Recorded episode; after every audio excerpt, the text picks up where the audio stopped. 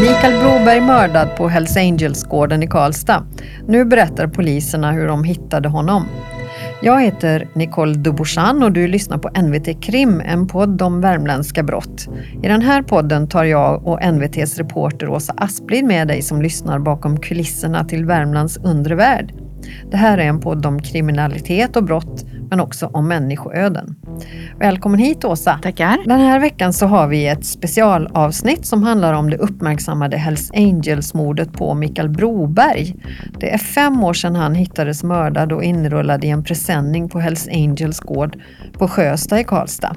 Och, eh, Åsa, du var nyligen och träffade de här fyra poliserna som åkte på larmet. Vi börjar med att lyssna på polisen Mikael Finsberg.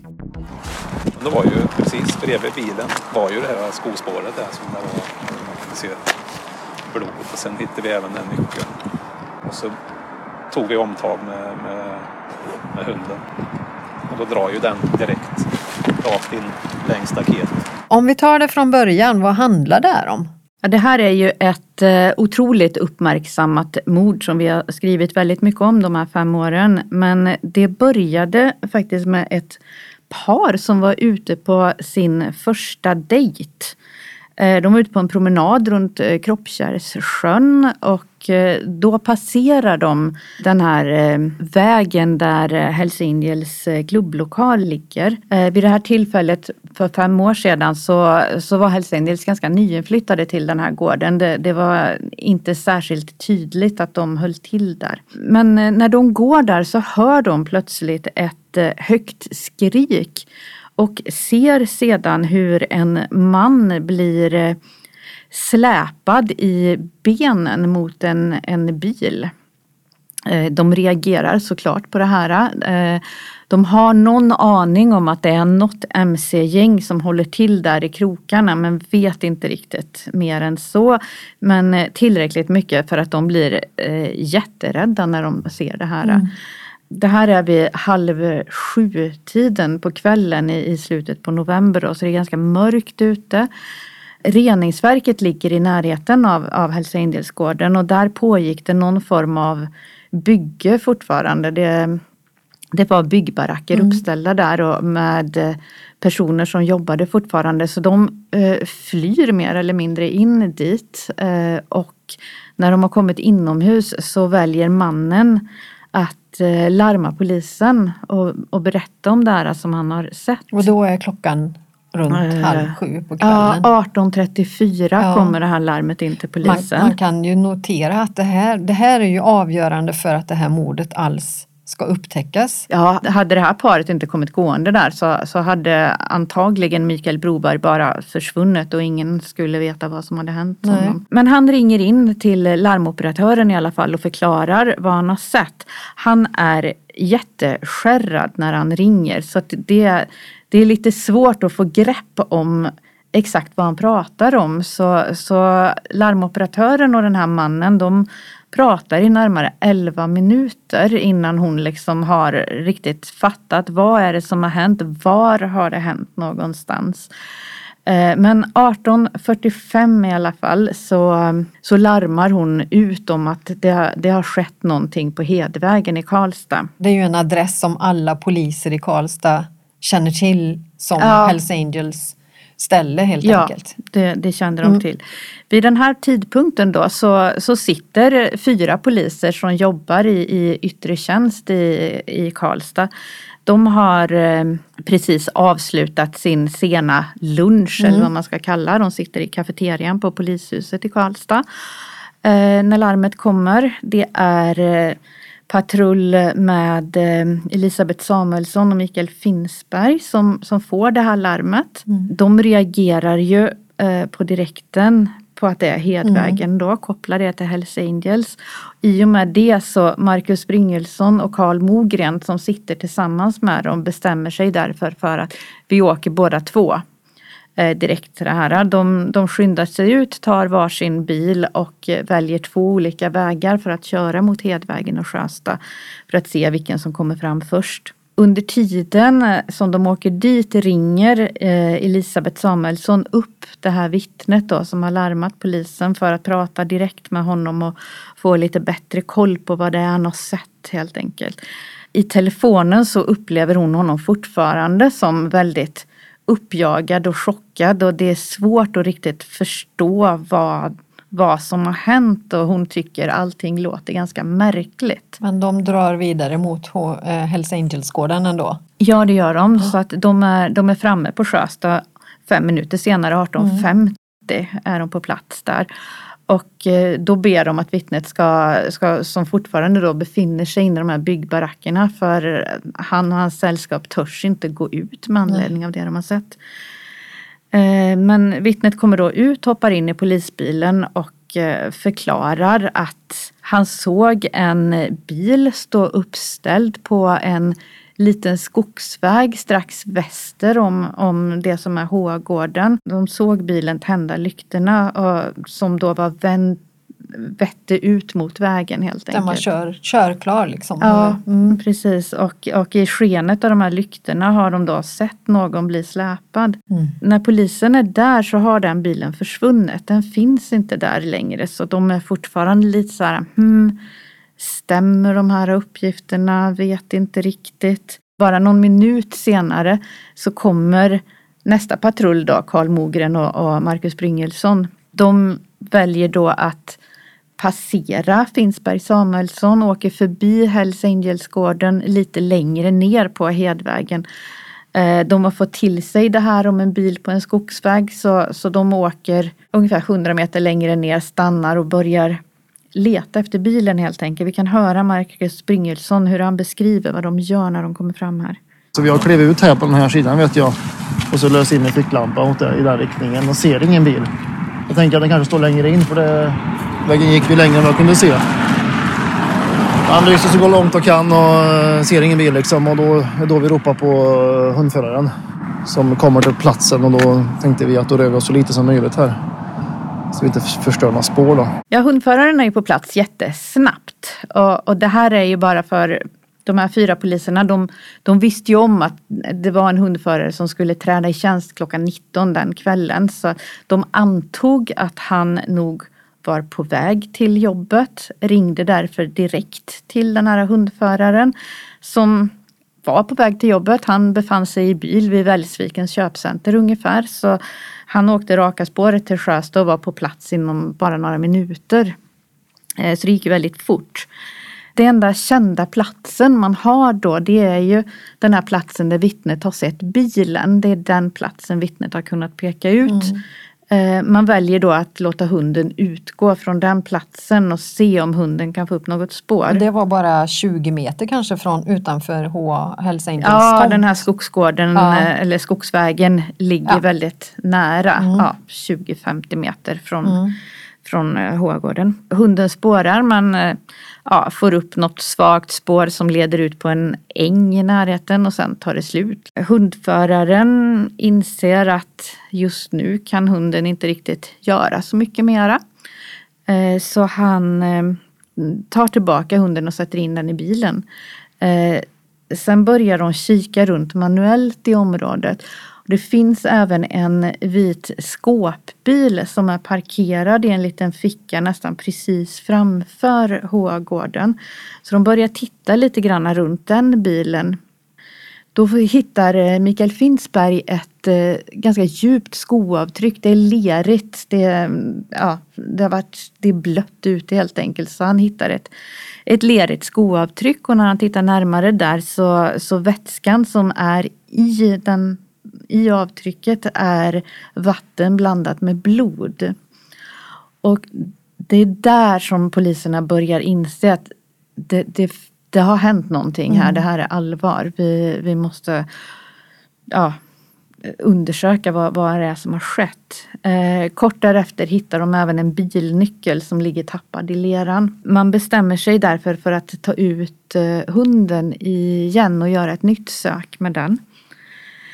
Och eh, den får omedelbart upp ett starkt spår och börjar dra raka spåret längs med det här stängslet som, som ringar in Hells Angels-gården då. Jag träffade ju de här poliserna på platsen mm. ute vid, vid, vid H-gården. Eh, så jag gick med Mikael Finsberg som visade liksom var han, det här blodspåret hittades och hur han sedan följde efter hunden när den drog iväg. Vi kan höra eh, själv hur han berättar om, om hur det, vad, vad det var som hände. Hängde vi bara med hundföraren eh, först och sen eh, jag efter hundföraren. Och, och när ni kom runt hörnet så?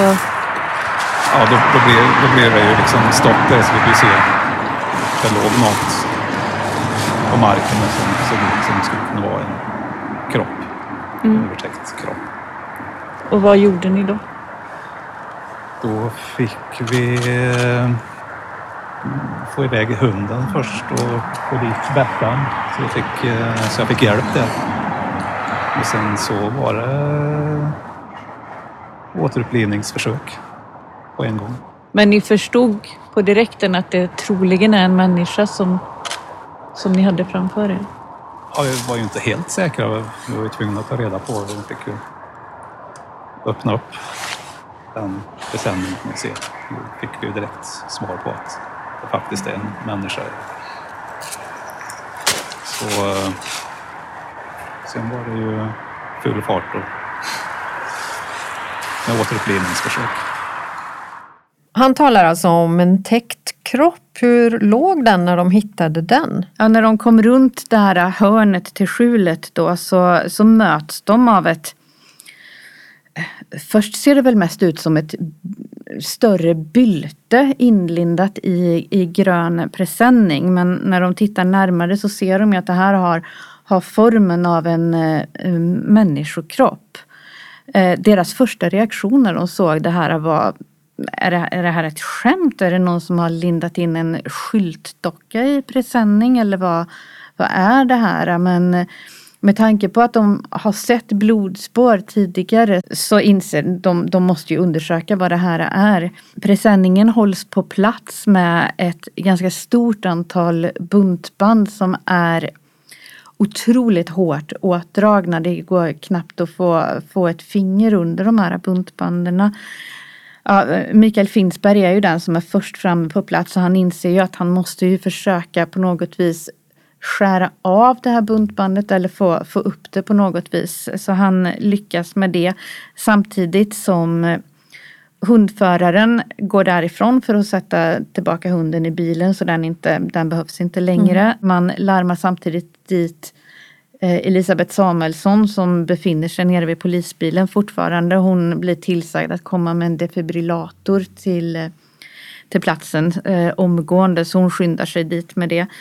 Ehm, sedan så vecklar eh, Finsberg och Samuelsson tillsammans upp den här presenningen. Först bara lite grann för att se om det faktiskt är en människa där inne. De beskriver att, att de får, det första de får syn på är örat då som, och då inser de ju att det här är en människa. Och eh, försöker uh, ja, med hjälp av hjärt och lungräddning helt enkelt uh, väck, väcka liv i, i den samtidigt som man, man larmar ut ambulans till, till, uh, till platsen. Då. Det håller man på med fram tills ambulansen är där några eh, några minuter senare. Men, men ja, man kan konstatera sen att han är, eh, det är en avliden person de ja, har framför sig. Visste polisen redan då att det var Mikael Broberg? Ja, eh, de ser det ganska snabbt. Mikael Finsberg berättade för mig att han hade träffat Mikael Broberg vid tidigare tillfällen eftersom han då hade en kriminell bakgrund. Eh, så han kände igen honom och dessutom hade han även en, en tydlig eh, Hells Angels kopplad tatuering mm. eh, på överkroppen. Eh, samtidigt har ju Elisabeth Samuelsson stått och undersökt den här vita skåpbilen som var parkerad där de hittade blodspåret. Eh, hon har lyckats få tag på frun till den som äger bilen. Det är en, en man som driver ett företag och, och hans fru kan då berätta att eh, bilen används av, av en av deras anställda som är Mikael Broberg. Mm. Då. Så man har från två, ja, två håll då att det, det är Mikael Broberg de har där. Och den här Mikael Broberg som, som låg död där då, vem var han? Ja, han var ju fullvärdig medlem i Hells Angels och hade varit så i ganska många år. Det var därför polisen kände till vem han var. Han hade tidigare det året eh, kommit ut ur fängelset. Han hade avtjänat ett treårigt fängelsestraff för grov misshandel. Eh, samtidigt som han hade den här kriminella tillhörigheten så, så levde han ju även ett vanligt familjeliv vid sidan av helt enkelt. Han kom in i, i Hells Angels-sfären ganska sent i livet. Eh, fram till eh, 2005 ungefär, ja, mitten på 2000-talet så, så levde han ett relativt vanligt familjeliv, var gift och hade tre barn. Eh, delägare i ett eh, svetsarföretag i Arvika. Och han skilde sig från sin fru i mitten på 2000-talet och efter skilsmässan började han intressera sig för eh, motorcyklar och eh, gick med i en eh, lokal eh, motorcykelklubb i Arvika. Därefter så kom man på något vänster i kontakt med Hells Angels via den mc-klubben i Arvika. Mm. Jag vet inte exakt hur men därefter så blev han så småningom eh, medlem i Hells Angels Karlstad. Så det är en fullvärdig Hells Angels medlem som är mördad. Det är ju, det är ju liksom inte vem som helst eller vad man ska säga då utan det, kan ju, det blir ju ett väldigt eh, intressant mord för polisen. Ja, och polisen var ju väldigt eh, frågande till det här när de insåg att det var, det var Mikael Broberg som låg mördad på Hells Angels gård. Eh, för de fick inte riktigt ihop det där för deras första tanke är ju såklart att det är någon fiende, fiende ja. till, till Hells Angels som har valt att mörda Mikael Broberg. Men då är ju nästa tanke att om det är det som har skett, varför transporterar fienden in Mikael Brobergs kropp på H-gården mm. liksom, som är där, där han bör kunna känna sig trygg eller mm. som, som medlem i den här kriminella organisationen. Eh, så det, det funderade man ganska mycket över. Framförallt i efterhand mm. tror jag. Där och då var det väl mer fokus på att eh, försöka hantera den, den situation som som faktiskt var. För om det hade varit en, en rivaliserande klubb som hade gjort det här då hade man ju kunnat förvänta sig ja, vedergällning ja. och en upptrappad ja. situation ja, som hade precis. varit allvarlig. Mm. Hur gammal var han när han hittades död? Han var 48 år okay. Eh, så det är, ju, det är ju inte särskilt gammalt men, eh, men där kan man ju också se då att han, han var han var inte jätteung när han först kom i kontakt Nej. med Hells Angels. Han var 35-årsåldern vilket, vilket är relativt sent mm. att liksom börja sin kriminella Hells Angels karriär. Många kommer ju in i den miljön kanske redan i 20-årsåldern. Och som du tidigare sa då så var det ju uppenbart för poliserna att Mikael Broberg inte hade varit död särskilt länge. Så hur påverkar det här deras arbete? Men det innebar ju en, eh, en ganska farlig situation för polisen. Om vi börjar här och bara hör eh, hur Karl Mogren eh, beskriver det här. När vi har hittat kroppen då har vi ju ett mord. Och det är liksom oavsett om det är här eller vart det än hade varit så har, det är ju en tillspetsad situation. Men, med, som, mordet har ju skett i närtid liksom så vi, vi vet ju inte vart gärningspersonerna är oavsett om det är eller vilka det är.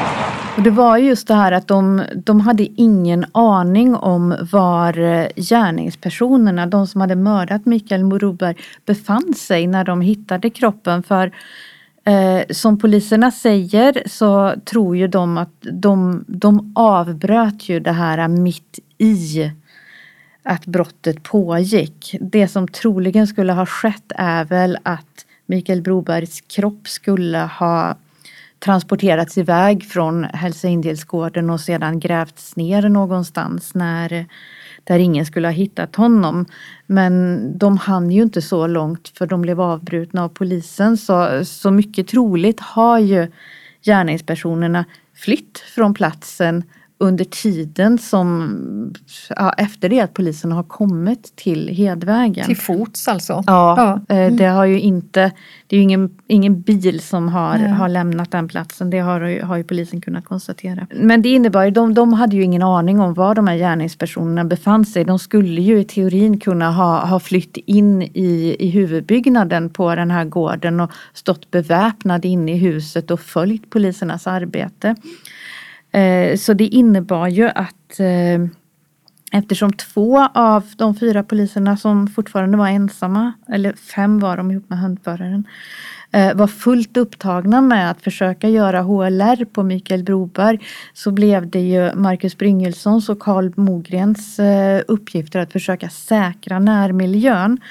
Så Karl Mogren positionerar sig på, på baksidan för att ha uppsikt över utgångar från, eh, från huset på baksidan och de småbyggnader som fanns där.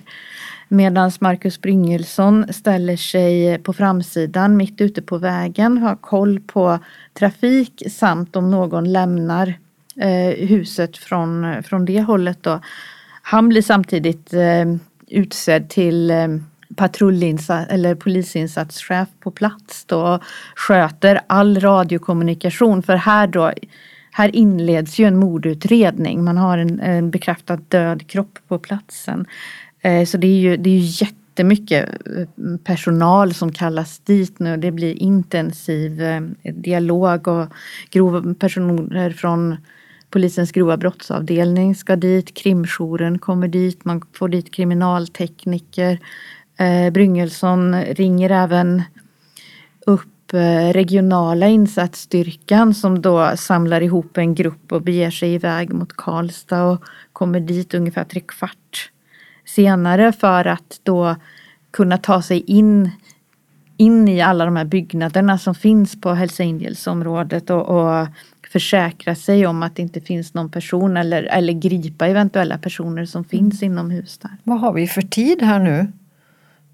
Ungefär? Alltså, Ehm, ja, det, klockan är ungefär 19.35 när de hittar eh, Mikael Broberg eh, inlindad i presenningen. Så det är ju det är ungefär en timme efter att det första initiala vittnet har larmat polisen först så hittar de kroppen. Mm. Jag tror ambulansen är på plats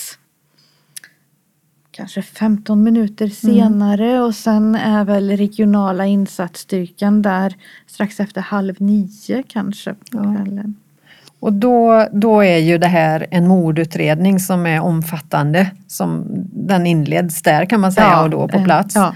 Men hittar de några spår efter mördarna där inne på Hells Angels-gården? Ja, de hittar hittar ju en röd eh, Ford Mondeo som står parkerad inne på gården och mycket tyder ju på att det är den bilen som, som vittnet såg på den här lilla skogsvägen. Den har bland annat ganska speciella ljuslyktor som, som vittnet har reagerat på. Det finns även ganska tydliga tecken på att den bilen hade använts i, i närtid. Man hittar smält snö på de här plastmattorna som ligger på golvet inne i bilen och sådana saker. Så när vittnet springer över till reningsverket för att ringa polisen så smiter den här bilen in in på Hells Angels-gården, Då, liksom. då har någon kört Mm. den här bilen från skogsvägen Ja. in, på, in på Hells Angels-gården. Och det är bara någon hundra meter eller någon Ja, sträcka. Ja. Ja. Dessutom så i den här bilen när man söker igenom den så, så hittar man även eh, ett litet etui med eh, bland annat bankkort som är utställda på en eh, då 33-årig man som har en eh, ledande position inom Hells Angels i, eh, i Karlstad. Eh, man kan även koppla själva, själva bilen till en annan person som, som hör till Hells Angels i Karlstad. Så, så de här två personerna blir ju redan från start högintressanta i, i polisens utredning. Vad vet vi om de här två misstänkta då? Ja, som sagt, det, det är två personer som är välkända av polisen sedan tidigare. Den ena mannen är 2017 då 33 år gammal. Han har positionen Sergeant at Arms. Det är en av toppositionerna mm. i Hells Angels Karlstad. Han kommer ursprungligen från Danmark men har bott i Värmland ganska länge då och tagit sig upp till ja, till en hög position inom Hells mm. Angels. Här. Samtidigt som han lever vanligt småbarnsliv. Han har sambo och, och barn och hävdar ju själv att det är snarare det som är hans liv, inte. Han har ingen, inga kriminella aktiviteter inom mm. Hells Angels för sig.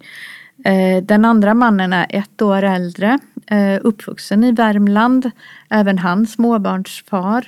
Eh, hade bara några timmar innan det här mordet skedde vet man att han var på Tingvalla isstadion och, och tittade när, när hans barn spelade, tror bandy. Mm. Det var någon, någon form av vintersport. Ja. Men han är då även en sån här så kallad prospect, någon slags eh, lärling, lärling ja. som, som jobbar på att bli fullvärdig medlem inom Hells Angels. Då. Nu har vi de här två misstänkta då. Vad händer med utredningen i det här läget då? Det kopplas in en åklagare och, och som får till sig alla de här beviserna och man får fram fler och fler uppgifter som, som pekar mot de här två männen då. Man, man eh, kan bland annat eh, se att de har synts tillsammans eh, vid flera tillfällen dagarna innan mordet. Eh, övervakningskameror visar att, de, att åtminstone en av dem är på Jula och köper buntband dagen innan mordet sker. Så det finns ju ja, teorier om att det här är ett planerat mord helt enkelt. Man har varit och inhandlat det man behöver. Så äh, åklagare väljer i alla fall att anhålla de här två männen den äh, fjärde december. Det är sex dagar efter mordet. Det, det är ju ett stort framsteg i utredningen att liksom ha, ha två utpekade misstänkta att anhålla så kort tid efter att mordet har mm. skett. Mm. Ehm, den äldre utav dem, den här lärlingen, grips bara några timmar senare på Välsvikens eh, köpcenter. Den yngre av dem, mannen som är Sergeant at Arms och fullvärdig medlem i Hells Angels då, grips eh, morgonen efter när han lämnar sin eh, bostad i Karlstad. Mm. Och bevisningen, hur såg den ut till slut? Ja det är ju, ja mycket av det har vi ju pratat mm. om redan. Det handlar ju om den här bilen som går att koppla till dem eh, tillhörigheterna som fanns i bilen. Hur de hade eh, inte ägt, eller bilen hade ju alldeles nyss köpts också, var det inte så? Ja, den här mannen som vi då kallar lärling hade köpt den här bilen bara en dag innan mordet. Så, så det finns ju teorier om att han, han köpte en, för det var en ganska risig skrotig bil, att han köpte en billig bil bara för att använda för att transportera bort kroppen. Att det var det, var det som var mm. tanken med den.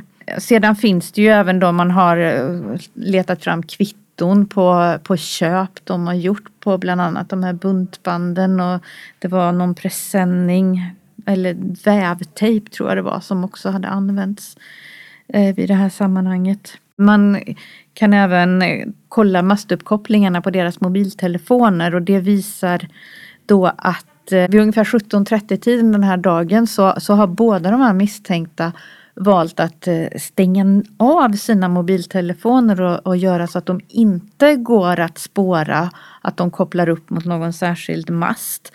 Och det blir då istället bevisning som, som man tycker pekar mot dem helt enkelt. Mm. Att, att man valt att stänga av telefonerna. Man hittar även en kofot i anslutning till, eh, till kroppen. Eh, Mikael Broberg har eh, man kan se att, att har, han har, har, fått kraftigt våld mot bakhuvudet. Och har då troligen slagits eh, i huvudet med den här kofoten när man gör eh, DNA-spår på kofoten kan man förutom Mikael Brobergs DNA då även hitta eh, ganska mycket DNA från eh, den, e-, den yngre av de här två misstänkta de här två misstänkta männen. Så det blir, det blir ett tungt bevis mot honom också så småningom. Så till slut så åtalas båda de här två för mord då på sin vän Mikael Broberg. Ja. Och Eh, hur gick rättegången sen då? Ja, den, den fick ju ett eh, för många av de inblandade väldigt överraskande slut. Polisen tyckte ju att de hade en solid utredning här som bevisade att man hade två Hells Angels-personer eh, som har mördat en, en tredje Hells Angels medlem då. Men tingsrätten väljer att fria båda de här två männen och försätter dem på fri fot i juni 2018, ett drygt halvår efter att mordet har skett. Då.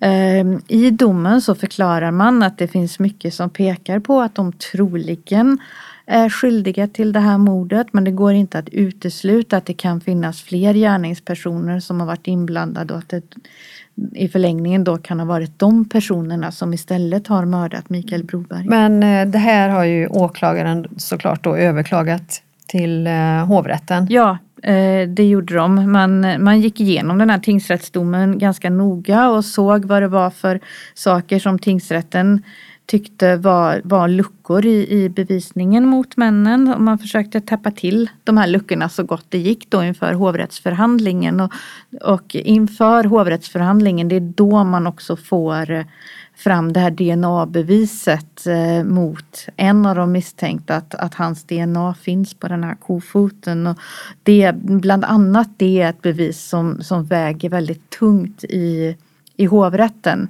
när, när de eh, tittar på det här. Eh, och eh, hovrätten eh, väljer att eh, fälla båda männen för mord. Eh, åklagare Stefan Westberg hade yrkat på 16 års fängelse för, för båda två. Eh, hovrätten tycker att det här är ett så bestialiskt, tror jag är ordet de använder, mord. Man har hanterat kroppen på ett så ovärdigt sätt. Så att Mm. de, de tycker inte att 16 år är tillräckligt utan eh, väljer att eh, höja straffet och dömer båda männen till livstidsfängelse. Så det är alltså fem år sedan som det här hände. Och du har ju pratat med Mikael Brobergs mamma Eva Berglund. Vad säger hon idag? Hon har ju varit eh, väldigt öppen att prata om, om eh, det som har hänt hennes son.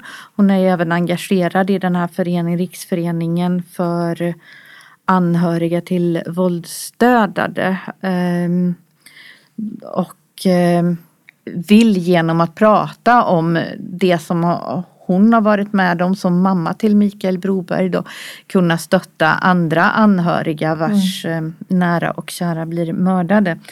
Jag pratade med henne bara för några dagar sedan då, dels för att berätta för henne om att vi, vi kommer göra den här podden, vilket hon eh, inte ser några problem alls med, men eh, även fråga liksom hur, hur det här påverkar henne idag då, fem år efter att, att det har hänt. Och, och hon förklarade ju att eh, årsdagarna är ju fortfarande jobbiga. Hon, hon tycker ju att det, det är hemskt att bli påmind om att hennes son Mikael blev mördad på ett helt fruktansvärt sätt. Så, men eh, tycker även att det är bra att att vi fokuserar på Hells Angels framförallt för att hon då vet om att Hells Angels vill inte att ha rubriker om sig själva i tidningarna och det, det, är, det är ett argument för henne om att man aldrig ska sluta prata om det här. Och de här två dömda mördarna, de har ju bara precis egentligen börjat avtjäna sina straff.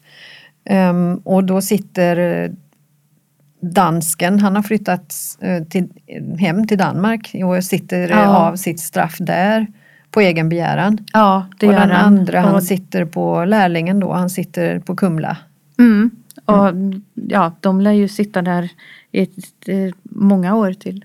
Men vet vi varför? Nej, det är ju fortfarande den stora frågan i det här. Det, det, det finns inget motiv alls till, till, till varför det här skedde. Och det sa ju de här fyra poliserna jag träffade då också att det, det undrar de ju fortfarande över. Liksom vad, vad hände här? Varför väljer två Hells Angels-män att mörda en av sina egna? Det, det kommer vi troligen aldrig få reda på. Båda de här männen nekar ju fortfarande till att ha gjort det här. Alltså, så därifrån är det väl osannolikt att det någonsin kommer komma en förklaring till Mm. det som har skett. För eftersom han är fullvärdig medlem som mördades så måste det ju också varit sanktionerat och eftersom också den här Sergeant at Arms dansken var med så är det ju liksom ett mord som är sanktionerat från högsta ort i Hells Angels i Karlstad såklart. Ja, Och sam- många som sam- vet varför. Samtidigt så var det ju ett stort antal personer från Hells Angels som eh, närvarade vid Mikael Mm. Brobergs eh, begravning för att liksom visa sin respekt för honom. Det, Ja. det är en fråga som hänger Om i ingen, luften. ingen eh, bestämmer sig för att de vill byta sida eller hoppa av och avslöja allt så kanske det aldrig kommer att komma fram. Det kanske kan finnas teorier om eh, varför han mördades men de enda som faktiskt vet är ju Hells Angels innersta kärna i Karlstad. Ja, det var allt för oss. Tack så mycket för att du har lyssnat och glöm inte att gå in och prenumerera på den här podden så att du inte missar nästa avsnitt. Och tipsa gärna en vän om att vi finns. Och vill du diskutera podden eller komma med tips på vad du tycker vi ska prata om så kan du gå med i vår Facebookgrupp som heter NVT Krim. Jag heter Nicole Dubourchan. Du har också lyssnat på NVTs krimreporter Åsa Asplid. Klipper podden gör Karl Edlom som också står för ljud och jinglar och ansvarig utgivare är Mikael Rotsten.